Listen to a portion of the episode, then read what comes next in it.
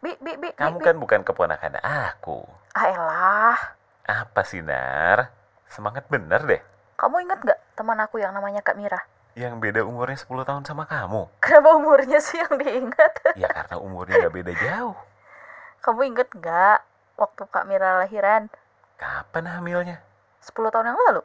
10 tahun yang lalu kita belum kenal kali, Nar.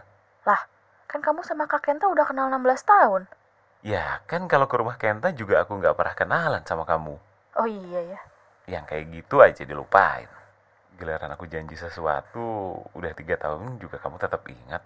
Otak cewek emang didesain buat inget janji para cowok.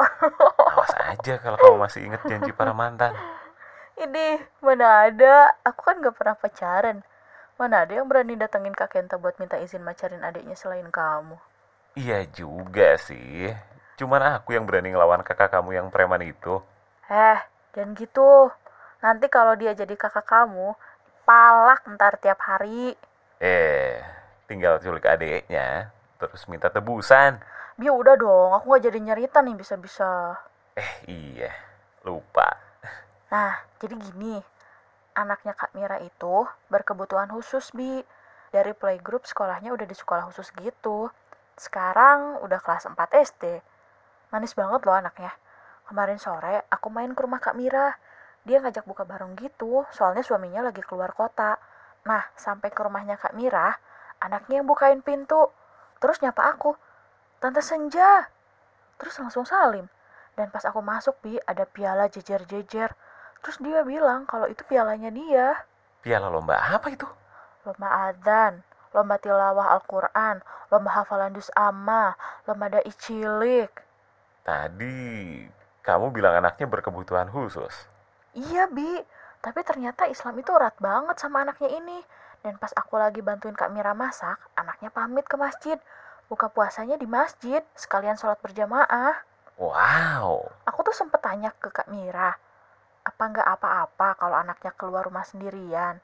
Tapi kata Kak Mira, anaknya kalau lagi di rumah, ya sholatnya selalu ke masjid. Dari kecil udah diajakin sama ayahnya, jadi udah kebiasaan. Jadi kalaupun ayahnya nggak ada, ya dia ke masjid sendiri. Pasti berat banget ya buat kamera. Kak Mira dari dulu suka bilang ke aku, tugas orang tua ya mengarahkan anaknya bagaimanapun kondisinya. Dan ternyata Kak Mira berhasil. Kamera keren banget deh. Terus Kak Mira cerita kalau kondisi anaknya membaik, SMP-nya mau di SMP umum. Anak kebutuhan khusus gitu kelihatan gak ya? Maksudnya aku nggak bisa bedain. Kelihatan, Bi. Tapi kalau kamu ketemu anak berkebutuhan khusus, ya jangan diliatin juga. Kak Mira bilang pandangan orang-orang ke anaknya itu sering banget ngeganggu dia.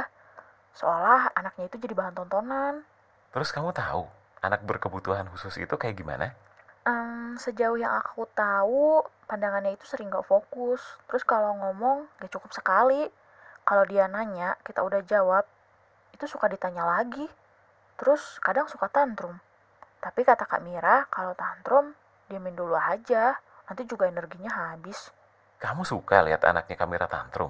Beberapa kali. Tapi Kak Miranya walas aja. Kayak anaknya gak kenapa-kenapa. Dia tahu banget cara ngadepinnya. Titip salam ya buat anaknya kamera dari Om Fajar. Mending jangan deh. Emang kenapa? Nanti dia nanya, Om Fajar itu siapa? Mana fotonya? Tinggal di mana? Kerjanya apa? Kapan mau datang ke rumahnya dia? Kok kamu tahu dia bakal nanya kayak gitu? Soalnya dia pernah tanya, Tante Senja udah punya pacar?